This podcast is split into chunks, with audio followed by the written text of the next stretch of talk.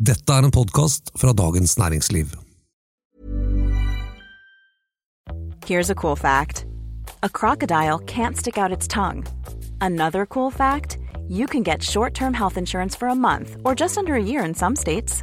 United Healthcare short term insurance plans are designed for people who are between jobs, coming off their parents' plan, or turning a side hustle into a full time gig. Underwritten by Golden Rule Insurance Company, they offer flexible, budget friendly coverage with access to a nationwide network of doctors and hospitals.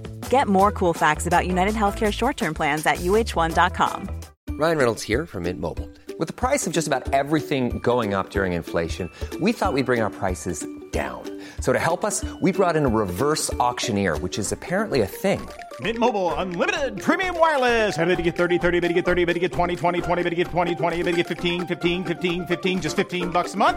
So, Give it a try at mintmobile.com slash switch. $45 upfront for three months plus taxes and fees. Promo rate for new customers for limited time. Unlimited more than 40 gigabytes per month. Slows. Full terms at mintmobile.com.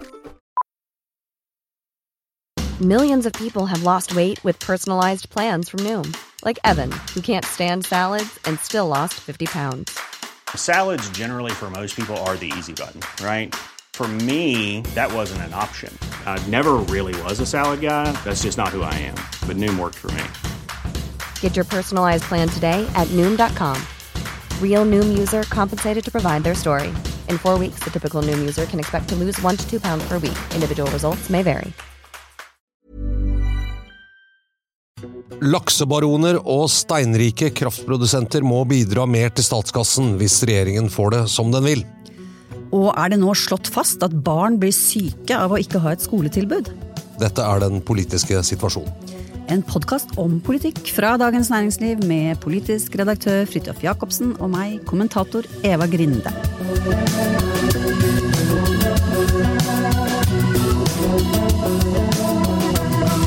Du Fridtjof, du ser litt sånn uh, kryssa ut i øya i dag. Veldig tidlig oppe. Hva skjedde, hvorfor var du på veien, når var det? Før nyhetene satte i gang, sa du? Jeg krysset kommunegrensen til Øvre Eiker før klokka sju i dag morges. Det er jo, gjør jeg jo ikke hver dag. Det er tidlig. Eh, nei, eh, vi fikk melding i går, norske redaksjoner, om at eh, det skulle være en pressekonferanse på Blåfarveverket. Eh, oppe ved Åmot, eh, som heter. Eh, kjent utfluktssted for kunstinteresserte, egentlig, men i dag klokken halv ni, det er onsdag når vi spiller inn dette, og så var det tillyst et slags møte før det for kommentatorer og redaktører sånn, klokken kvart på åtte. Eh, og uten at det ble sagt noe om temaet osv., så, videre, så hadde vi vel en hunch på, da, da vi fikk vite dette i går, at det kunne handle noe om skatt og statsbudsjettet. Ja, for de kalte jo inn til pressekonferanse 08.30 uten å egentlig si hva det handlet om. Og, og også, det, ikke den heller, altså ikke kommentatormøtet på forhånd, og heller ikke pressekonferansen. Men man var vel ganske klar over det, ja. Ja, vi trodde i hvert fall det det, har vært mumlet en god del. men det gikk noen rykter også om at de skulle legge frem en mineralstrategi. og litt sånn, da tenkte jeg Det hadde vært nedtur. Så samlet alle der så tidlig for å legge frem en mineralstrategi, så tror jeg kanskje Da hadde de, da hadde de brukt litt på, på en måte sånn kommunikasjonsmessig kapital, kan man vel si. Goodwill. ja.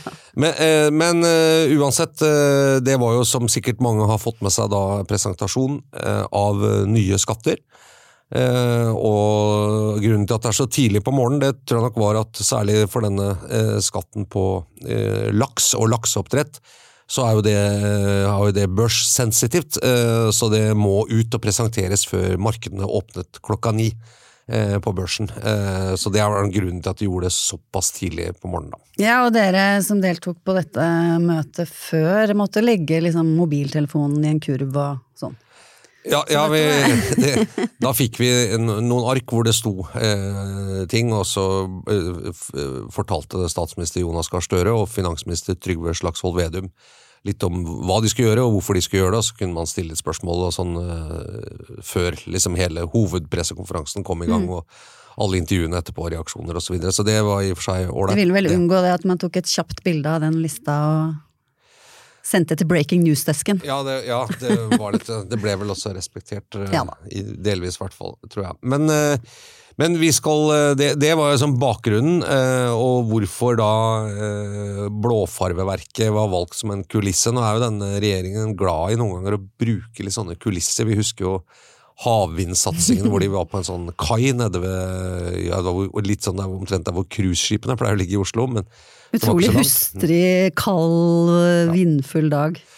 Og det som er på dette blåfarverket, er jo at det er jo en Historien er jo altså at det var en slags gruve med, hvor man tok ut kobolt som man brukte til å lage blåfarve. og det eh, og dermed liksom brukte av norske naturressurser. Eh, og så ligger det også et ganske et kraftverk der, som, eh, det er jo et vassdrag der, som, eh, og et kraftverk og så videre. Ikke så stort, men en, så, så det var jo litt av bakteppet, var at dette handler om hvordan man skal skattlegge de som eh, tjener seg rike, eller bruker norske naturressurser i produksjonen, altså fellesgoder vi har. da, da, ja, vi kan jo liksom bare, Hva er det egentlig de la fram? ikke sant? Den, det- Den kanskje største endringen ligger vel eh, i det at nå skal eh, havnæringen, altså eh, lakseoppdrettere osv., ilegges grunnrenteskatt som de ikke har hatt før. Eh, og det betyr jo en skatt som legges på eh, business der folk tjener penger på felles naturressurser, og det har vi i stort monn i olje- og gassnæringen. Og også i vannkraftnæringen, men så har, vi da, så har disse da vært unntatt. Og det har jo vært en diskusjon i mange år. Ja, og det er klart, altså havbruks- eller oppdrettsnæringen betaler jo en god del skatt. Eh, Selvfølgelig vanlig selskapsskatt osv., og, så videre, og de betaler jo også eh, sånn, noen avgifter, og så må de jo by da på såkalte Konsesjoner, ja. konsesjoner, så, så må det også tas inn en del penger. Men, men eh, ja, prinsippet her er jo som ble foreslått av et uh, skatteutvalg som så på, eller Havbruksutvalget som det het for noen år siden, uh, er at sant, en stor del av verdiskapningen i dette kommer ved at de kan bruke norske fjorder, rett og slett, eller, eller havområder. Og en del av profitten kan liksom tilskrives at de får tilgang på det. Og da er prinsippet da, altså såkalt grunnrente, at de da må betale en del av det inn tilbake til fellesskapet på toppen av vanlige skatter.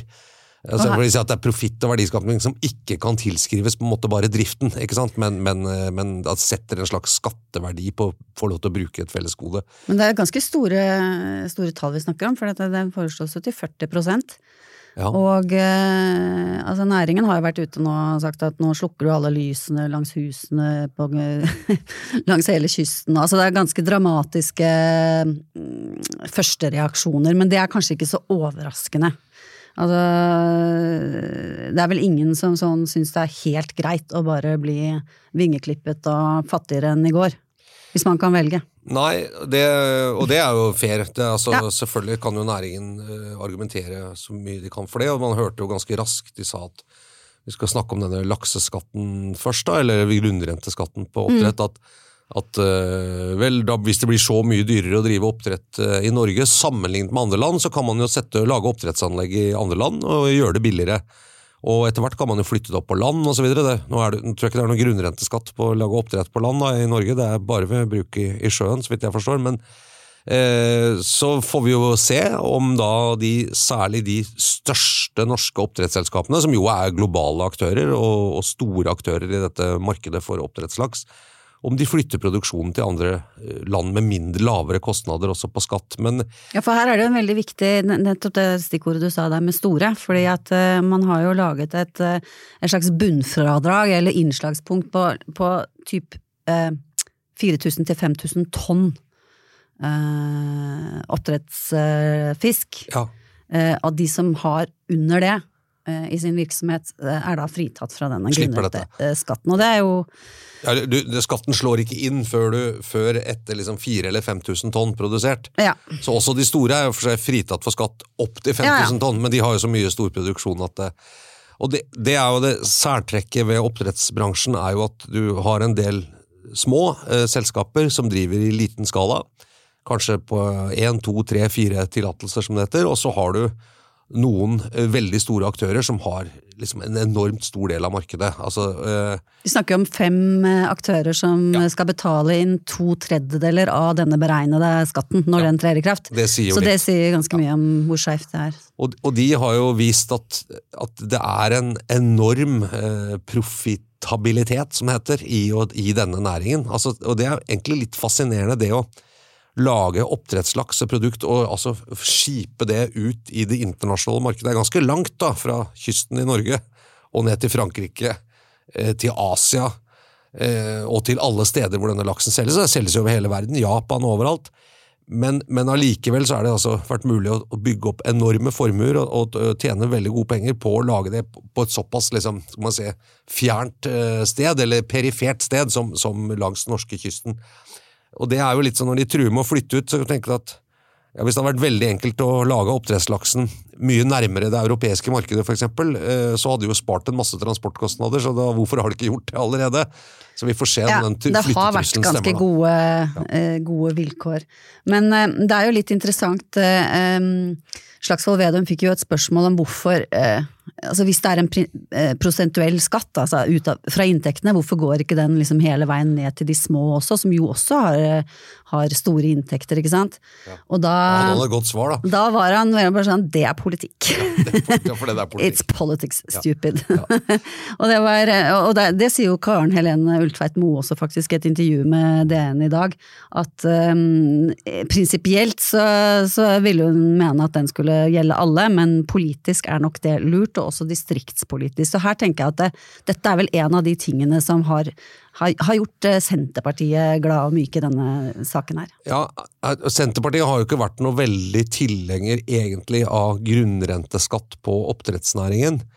Eh, nettopp av den grunn at oppdrettsnæringen historisk var jo egentlig bønder som begynte å drive altså De kaller det havbruk, men det, jo altså det er jo matproduksjon. Eh, men i eh, havområder som var ganske nærme eh, land.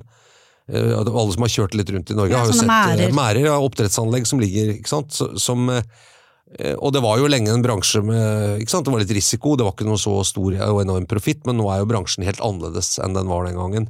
Men fortsatt har du jo en del små aktører, og, og vi husker hun ordføreren i Salangen som var ute i forrige uke og sa at hvis det kommer grunnrenteskatt på dette, så, så vil det ha så stor betydning for vårt lokale næringsliv i Salangen at det må ikke skje. Svaret på det var og, dette rimer jo veldig godt med Senterpartiet. Han sier at små lokale produsenter, som ikke er laksebaroner, men laksebønder, kan vi kalle det det, eh, de skal slippe. De får beholde liksom det greiene. Så det skal være mulig å drive et lite oppdrettsanlegg, et lite havbruk. Dette er snakk om å ville de store internasjonale gigantene som, som eh, bygger opp enorme formuer. Vi vet jo bare se på formuen til Witzøe-familien. Dette, går det an å tjene seg veldig rik på.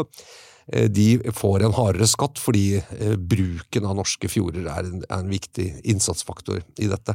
Så, så det, det syns jeg jo var politikken da, ved det, at de, de tar ut liksom Og det er ganske mange aktører, men de har, står ikke for så stor del av omsetningen. Nei. Vanlige folk, som vi har hørt mye om. Vanlige oppdrettere. Ja. Vanlige oppdrettere. Ja, ja.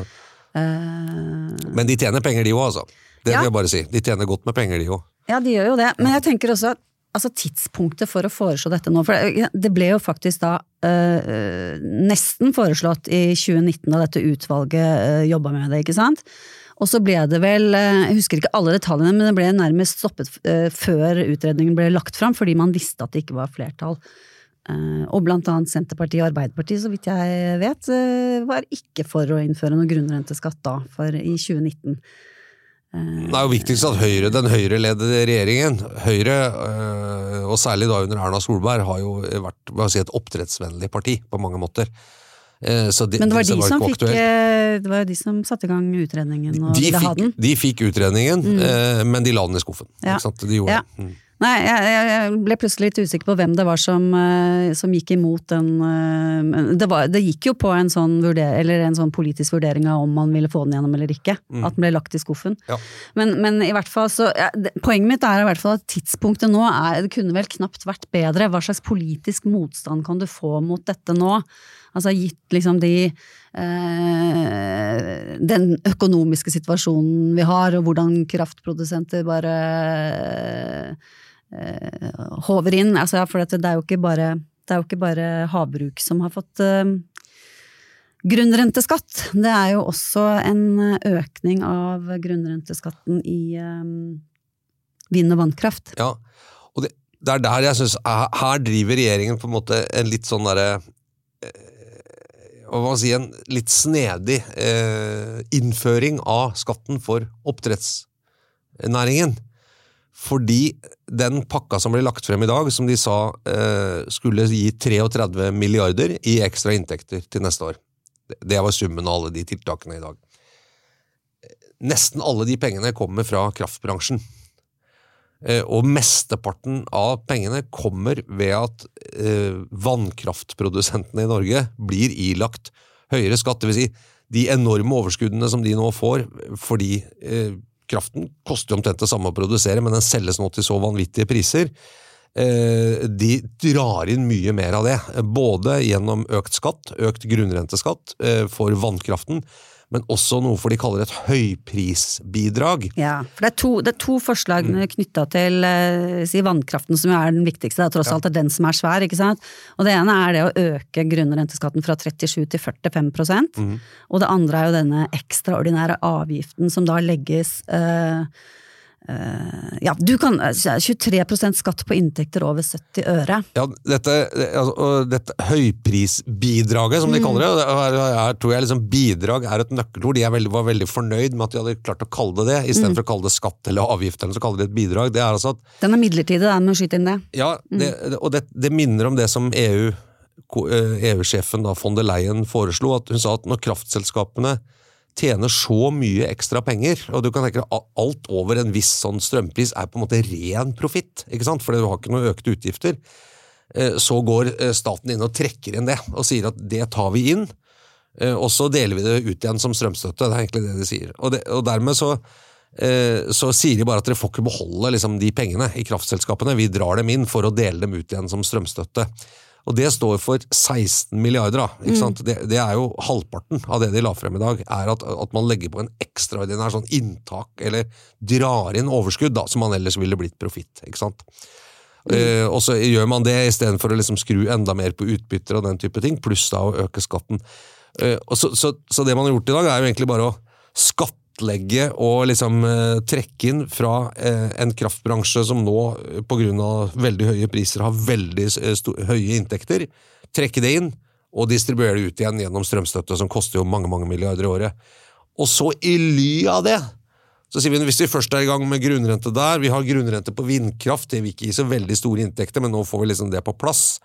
Eh, så bare legger vi på en grunnrente på oppdrettslaks nå. Men liksom, det oppdrett er jo liksom litt frikoblet fra energisituasjonen, men det blir liksom bare eh, dratt inn sammen med det andre. Ja, absolutt. Men en, en annen eh, bra ting, da, vil jeg si, som ligger i dette forslaget, det er at, at strømselskapene kan inngå fastprisavtaler til 70 øre eller under, og så slippe den ekstraskatten.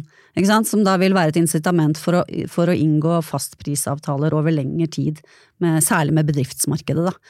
Så Det er jo også noe de har jobbet med å prøve å få til. Ja, Det var jo det de i hvert fall sa. Det sa de at nå tar vi inn, Hvis du selger strøm til over 70 øre kilowattimen, så tar vi inn så mye av de pengene. Ja at det lønner seg ikke så mye lenger å gjøre det. Du sitter ikke igjen med så mye. Det kommer jo an på prisene, selvfølgelig, om det lønner ja. seg. Men når det ikke lønner seg, så vil de da kanskje i større grad inngå disse fastprisavtalene, som jo er Ja, så Du kan like gjerne selge, selge, strømmen til 70 øre kilowattimen, for mm. Uh, ja, ja. Du, tjener, du, tjener, ikke så mye mer penger på å selge den til f.eks.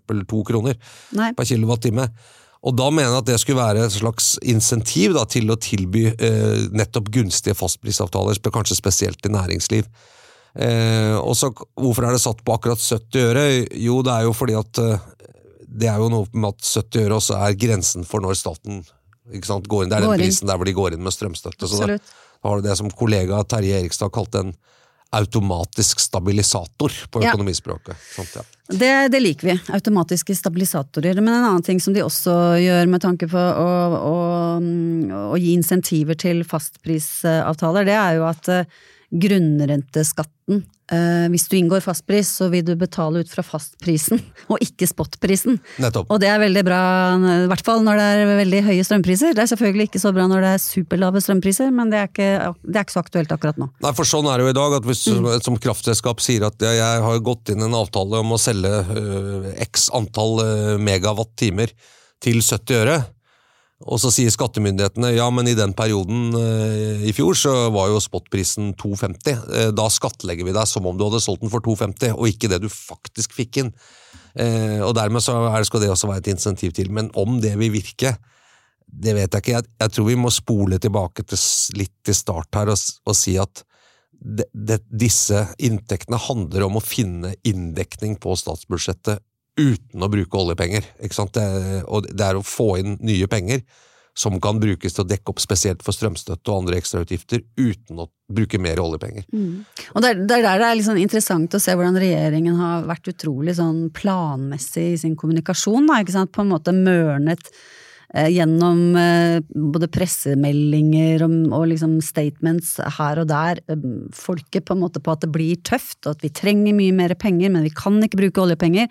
Den, den, den tror jeg kanskje begynner å liksom sive inn, og det er det jeg mener med som lage det grunnlaget for å for å, for å skape en goodwill for denne type forslag akkurat nå, da. Ja. Ikke sant? Fordi Ja. at eh, Veldig fint det at vi kan eh, ta skattlegge noen veldig veldig rike laksebaroner, fremfor å selv eh, måtte betale mer skatt eller få høyere priser eller ja. Så kan- kan det, komme, det kan jo komme flere skattegrep her. Altså. Det kan jo f.eks. bli en liksom følge opp flyttingen at de med inntekter fra 750 000 og nedover, og dette Ja, det syns jeg han sa i dag. Det ble nevnt, ikke sant? At de får noen skatteletter som jo ikke vil bety så veldig mye for den enkelte skattyter. Det er kanskje noen tusenlapper, noen hundrelapper. Kan, men altså, Hvis du har veldig dårlig råd, så kan det jo bety litt, men, men hvis du får et skattelette et år på 400-500-600-700 kroner i praksis, så er, så er det liksom Det er ikke så mye å rope hurra for det. Nei, men jeg syns også han, han sa at det, at det kommer til å bli en omfordeling fra de med over 750 000 til de med under 750 000. Ja, det er det, men, men, du, du vil liksom, det er jo såpass mange færre som tjener over 750 000, så de vil få en ganske økt skatteregning, og, og så må den da deles ut på mange flere. Men det kan hende, det kan jo også komme noen skjerpelser i formuesskatten og sånn, det får, får vi se på, men, eh, men jeg tror dette her var det store inndekningsgrepet, Og i tillegg til disse 33 milliardene som de varsler i dag, så får de jo automatisk også det som ikke er inne, nemlig den vanlige grunnrenten i strøm. Ikke sant? Jeg var en som sa til meg at Som også er ganske fet for ja. I 2020 så, så tror jeg de, eller 2019 eller et år med sånn ganske lave strømpriser, så var den grunnrenteskatten 1 milliard eller sånn inn på budsjettet. Eh, Og i 2022 har man regnet med, i, i revidert så sa man at den kanskje ville bli 25, men de sier det er altfor lavt, så det vil bli mye mer. Og da kan vi jo bare regne med hva det vil bli til neste år. eh, Som er liksom ekstra vanlig grunnrenteskatt for strømbransjen i, sammenlignet med et normalår. Så topper de den på toppen. Så og så i tillegg er det jo merverdiavgift. Når alt blir dyrere, så blir det jo mye mer moms, ikke sant? som de også kan ta inn. Alt dette er jo ikke oljepenger som kan tas inn. Så, så, så, så på Som de ikke toppen snakket så mye om. Da.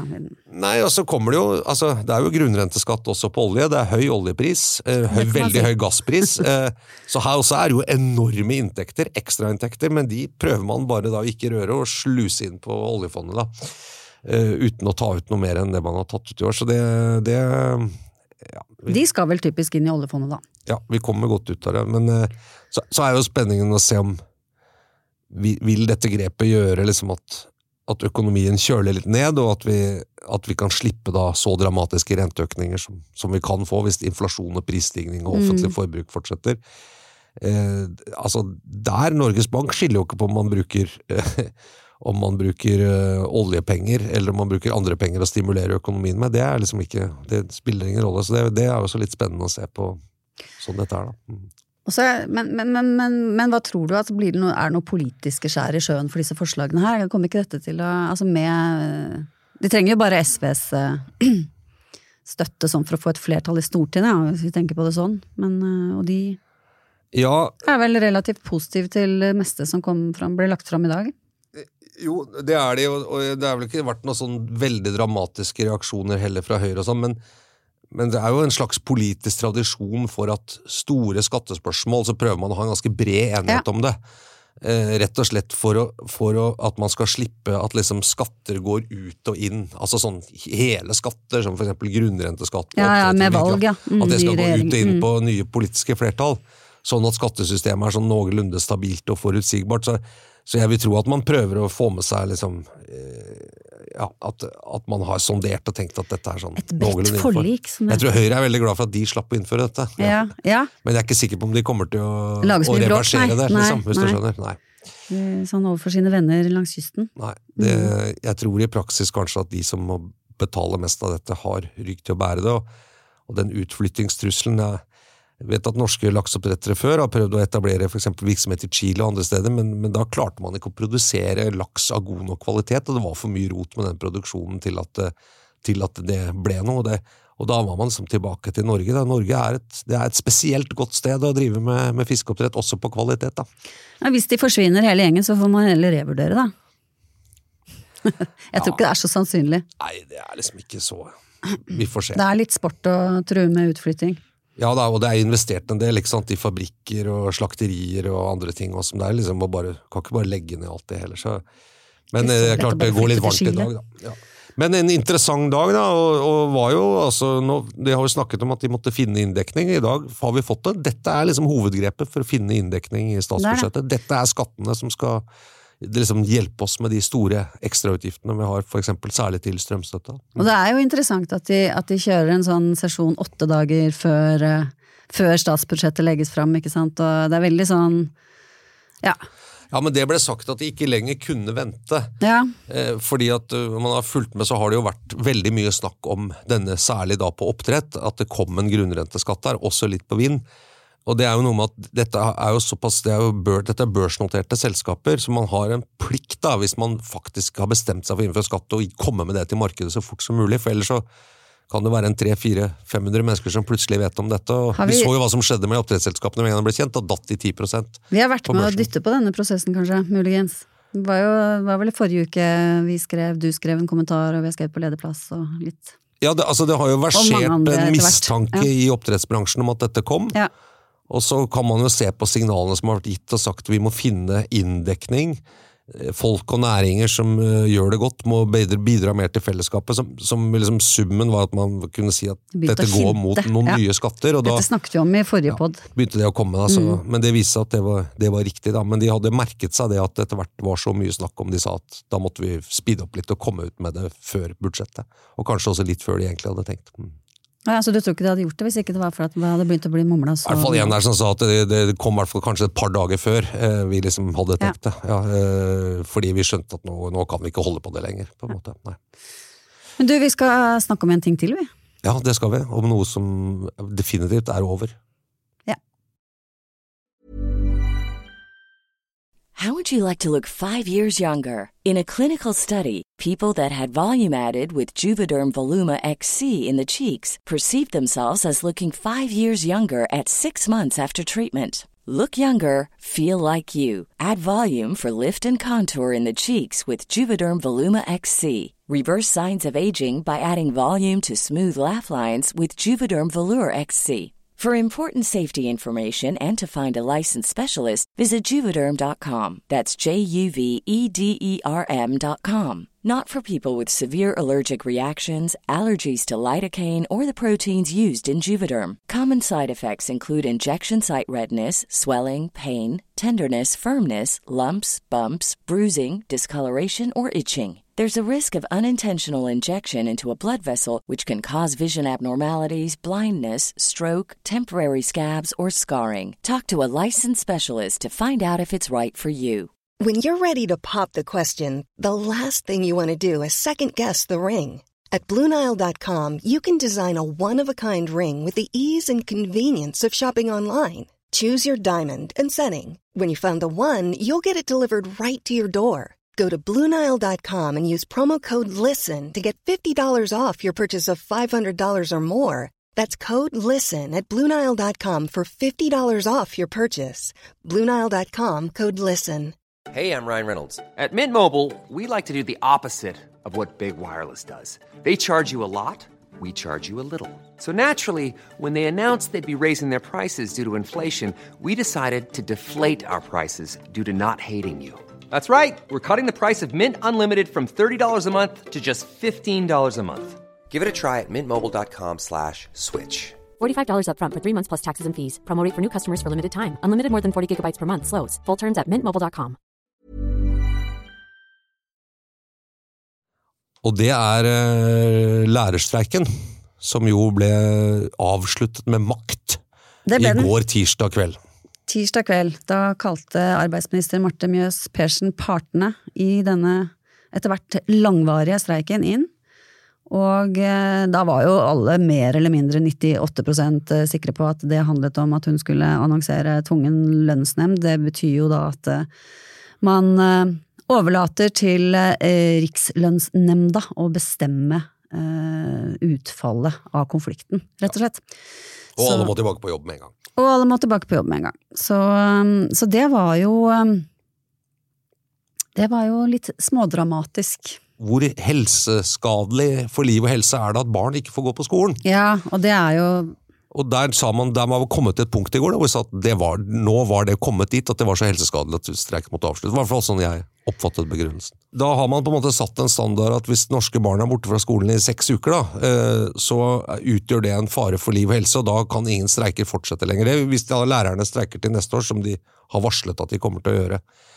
Eh, Og da er det jo spørsmål om lærerne har egentlig en reell streikerett, og hvis dette prinsippet om at det at barn ikke går på skolen og dermed har fravær av det man kaller kvalifiserte voksenkontakter, eller noe sånt, særlig barn som kanskje ikke har det så enkelt hjemme, eller sånn, hvor mange uker kan man holde dem ute av skolen før man må bruke tvungen lønnsnemnd? Ja, det, det åpner en del sånn eh, det, det er en sånn slags slippery slope når det gjelder fremtidige lærerstreiker, da, tenker jeg.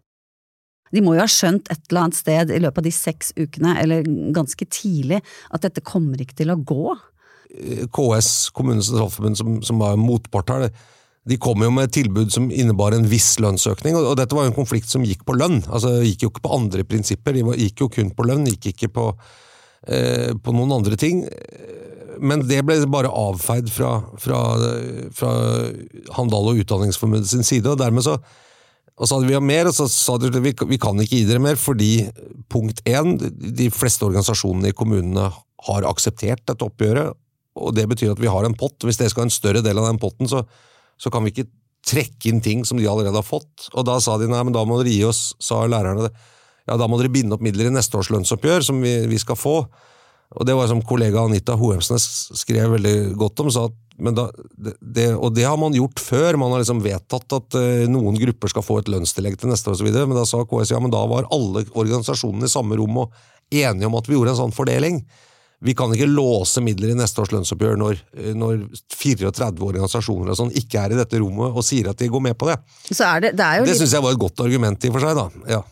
Ja, absolutt. Eh, Jeg syns KS har gode argumenter, og også dette med at ut av pandemien så har vi ganske mange grupper som trenger påskjønnelse, ikke sant. Altså det er ikke bare lærere, de har jo de har jo eh, alle i kommunal offentlig sektor. Og tilbudet, de jekket jo opp det fra frontfagstilbudet, var jo på 3,7 og, så- og så endte de på 3,84 til lærerne. Og så sier lærerne at ja, men vi får mye mindre enn alle andre, og da blir man også litt sånn hva mener dere med det? Og, og da har de en sånn måte å regne på som går fem etter ti år tilbake, som viser at de egentlig burde ha fått uh, mye mer, og så har KS en annen måte å regne på, og da blir det jo litt sånn sjakkmatt når du står utenfor. Fordi det, altså, da må du virkelig inn i dybden og detaljene for å gjøre deg opp en mening av hvem det er som egentlig har rett, ikke sant. Så Uh, jeg, jeg bare tenker, kunne ikke, lære, kunne ikke læreren ha kommet seg ut av dette på en bedre måte? Altså, jeg, de, Jo, det må jo ha vært mulig. Jeg tror de kom ut av det på den på dårligste måten. Ja, for lærerne også. ikke sant? At de sier at de ikke har tillit til, til KS, jeg skjønner, skjønner det, men liksom forståelsen for lærernes situasjon, sånn Altså, de folket. budskapet fra lærerne om at vi, vi er, tjener ikke som gruppe nok. Vi vil ha, et, vi vil ha ekstra lønnslegg for å liksom jevne ut forskjellen på oss og andre høyt utdanna grupper. Sammenlignet med andre yrkesgrupper i kommunene så tjener de ganske godt, men sammenlignet med andre yrkesgrupper i samfunnet på litt sånn samme utdanningsnivå, sånn, så, så har de hengt etter. Det er helt riktig. Og så sier de jo det er et spørsmål om politisk vilje, om man vil gi oss det eller ikke, og derfor streiker vi. Og så tror jeg når det ble klart at vi får ikke noe mer i dette oppgjøret, så, så kunne jo, bare for å være litt sånn kontrafaktisk her, så kunne jo lærerne sagt at vel, vi forstår at vi kommer ikke videre. Kommunenes sentralforbund, eh, de nedprioriterer lærere, de vil ikke gi oss noe penger. Eh, Ingen politikere er noe interessert i å liksom hjelpe oss frem og tilbake, frem og tilbake, men Eh, Men for å skjerme barn og unge fra den belastningen det er lenger, så avblåser vi denne streiken nå. Men vi, vi gjør det, hele Norge må forstå at vi gjør det for å være for å liksom redde dagen, men vi, er, vi får ikke det vi egentlig fortjener. Isteden så kjører de dette til en tvungen lønnsnemnd, eh, eh, og har da tapt sympati. De har lagd en veldig uforutsigbar situasjon for eventuelt kommende lærerstreiker. Hvor fort vil de bli avblåst? Eh, og de oppnår ingenting økonomisk, sannsynligvis. Eh, og i tillegg så har de da gjort seg på en måte liksom, som en useriøs forhandlingspartner, fordi at de har liksom vist at de er villige til å liksom, ikke akseptere noen ting. Altså nedsiden med, med den med, Jeg tror også at det hadde antagelig vært en bedre løsning også med tanke på, på fremtiden. Eh, og også for, fordi at lærerne så veldig ofte fremstår som om de har det helt forferdelig. Altså, det er et slit å leve og jobbe og, og stå på. Det er, ikke sant?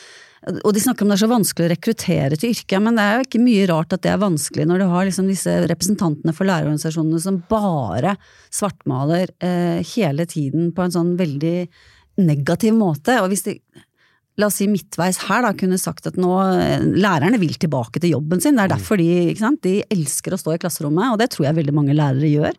Så jeg, jeg tenker mer på liksom måten de kommuniserer fra, fra toppen av uh, lærerorganisasjonene, da, som er, uh, som er, veldig negativ. Ja, Det virker som de har gått inn i en streik uten å på en måte ha noen uh, tanker om et slags endgame. Mm. Eh, og det ville jo tenkt at Første grunnen til at du streiker, er at du tenker at det er mulig å få ut litt mer penger. Eh, men hvis ikke får det engang, så får vi streike, sånn at vi klarer å få ut litt mer penger. Når de kom dit, så sa de nei, vi er ikke fornøyd med det. Eh, da kom de med et krav som jeg tror man skjønte var umulig å innfri. Det var ikke noe mer å gå på. Og da ville jo jeg tenkt som fagforening tenkt at ok, da, da må vi komme ut av denne streiken slik at vi ser best ut slik at vi får politisk goodwill, at vi får opinionen på vår side, og dermed står bedre rustet i neste års lønnsoppgjør, eller i noe som kan være en opptrappingsplan for, for et økt lønnsnivå for lærere, som en politisk eh, handlingsplan, i en regjering som jo skal være lærervennlig, ikke sant? Eh, men det man, man mislykkes liksom med å komme ut på den måten også. Man ser egentlig bare ut som en useriøs streikende partner her, syns jeg, og, nå, og så klarer man til slutt å utløse en tvungen lønnsnemnd som er eh, historisk, men historisk på helt feil måte, tror jeg. Så, eh, så, og så tror jeg Spennende å se hvordan Steffen Handal, hvordan hans posisjon kommer ut av dette her, da. Ja, så er det jo spennende å se altså, En streik i offentlig sektor er jo litt spesiell, fordi at arbeidsgiveren tjener jo penger, på en måte, for hver eneste Hvis man skal se på sånn. De sparer jo penger hver eneste dag læreren ikke er på jobb. Mm.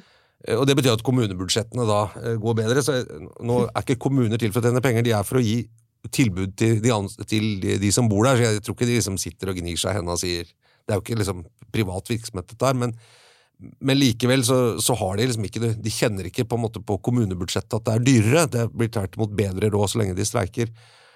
Og så vil jo denne typen streik blant de som lager velferdstjenester eller helt sånn grunnleggende tilbud, det, det vil jo gå utover tredjepart. Men det er jo derfor det er et våpen. Også. Ja, men, men, hvis da nå regjeringen sier at hvis det går utover tredjepart elever, så går vi inn med tvungen lønnsnemnd ja, ja. for å skjerme dem mot det. Hvilke andre grupper kan man da skjerme mot det? Har vi lagd en ny og videre definisjon av liv og helse som gjør at det er mye lettere å gripe til tvungen lønnsnemnd når en streik er upopulær? Jeg tror jeg denne kommer til å bli diskutert, mm. uh, diskutert veldig, og at det er, det er, en ganske viktig diskusjon. Hva er det som egentlig ligger, ligger til grunn her? Ja, og det kan jo hende også at internasjonalt eh, De avslutta jo en streik en gang med, med bare basert kun økonomiske hensyn, tror jeg, i Nordsjøen. Da fikk de kritikk av liksom internasjonale arbeidsrettsinstitusjoner og sa at det kan man egentlig ikke gjøre. man kan ikke det, det, er å gripe inn i liksom streikefriheten. Så er jo spørsmålet om de har gjort det den gangen her òg, da. Jeg tror internasjonale konvensjoner er, sånn som jeg har skjønt det, de er, de er klarere. De har ikke med den derre litt sånn vage samfunnsmessige konsekvenser. De snakker om at det skal være fare for liv, helse, personlig sikkerhet. Eh, ja. I fare for hele eller deler av befolkningen. Ja. Så det er ganske sånn eh, Ja. Er vi der, eller var vi der? Ja. Det må jo regjeringen kanskje dette, liksom en, eh, kanskje dette kan bli en sak for for en internasjonal arbeidsrettsdomstol. Ja. Det har vært gøy. Og det, som du også påpekte da vi snakket sammen før så sa du at da har det jo gitt skolen et voldsomt stort ansvar for barns helse. Hvis ja. det er sånn at, at det, det, er det at de er på skolen, er det som skiller mellom om de har eh, på en måte eh, har beskyttet liksom, ja. psykisk helse eller ikke, det er om de er på skolen eller ikke. Er det, er det egentlig skolens ansvar, eller er det, det andre som, som, ikke var i streik denne gangen, som egentlig har det ansvaret?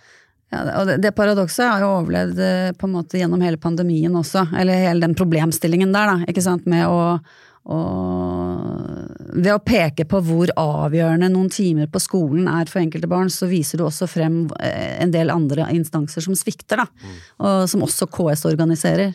Ja, så det er litt interessant, det òg. Det. Ja. Eh, Jeg tror ikke vi rekker mer i ukas utgave av den politiske situasjonen. Det var mye å snakke om Det var det. eh, på denne store skattedagen og ikke lenger streikedagen. Og enda har vi ikke snakket noe om gassrørlekkasjer. Nei, Som i og for seg er den aller største saken nå, men den er jo ikke sånn rett inn i norsk politikk, da. nei, og det var ikke norske rør. Da- Det var ikke norske rør. Så vi får spare litt på det. Men eh, Vente til de kommer. Uff. Og så eh, eh, er det jo sånn at neste uke er det, legges statsbudsjettet frem. Eh, det, det som er igjen etter alt jeg har fortalt Ja. nå, det er på torsdag er eh, om en uke. Så vi får vel kanskje satse på at vi kan lage en podkast etter at, den, eh, blir, etter at det blir lagt frem. Ja. Får vi ikke prøve på det? Jo, Ja. kommer ut torsdag kveld, sikkert. Torsdag kveld, fredag, eller et eller annet sånt. Mm. Det er mye å lese. Men, eh, men da kan du høre den politiske situasjonen på nytt, i hvert fall neste uke, etter at statsbudsjettet blir lagt frem. Eh, også da med kommentator Eva Grinde og meg, politisk redaktør Fridtjof Jacobsen. Eh, kanskje vi skal ha med noen flere neste Kanskje uke? det. Kanskje det. Vi får se. Vi har jo litt andre radikalt, ressurser på huset her òg. Eh, uansett så er dette en podkast fra Dagens Næringsliv som kommer en gang i uka. Den handler om politikk. Vi er glad for at du hører på. Eh, gjerne abonnere på oss hvis du ikke gjør det. Eh, og gjerne spre ordet til andre som du tror vi har interesse av å høre på den politiske situasjonen hver uke. Men inntil da så er det takk for nå, og vi høres igjen. Ha det!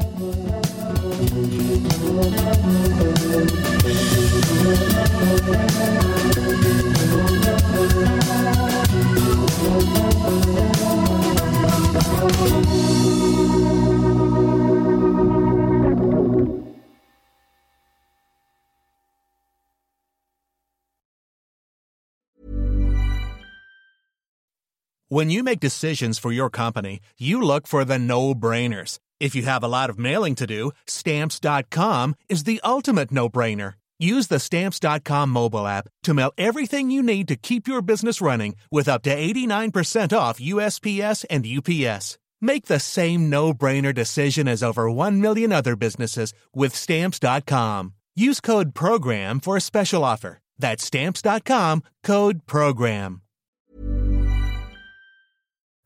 Du har nå hørt en podkast fra Dagens Næringsliv.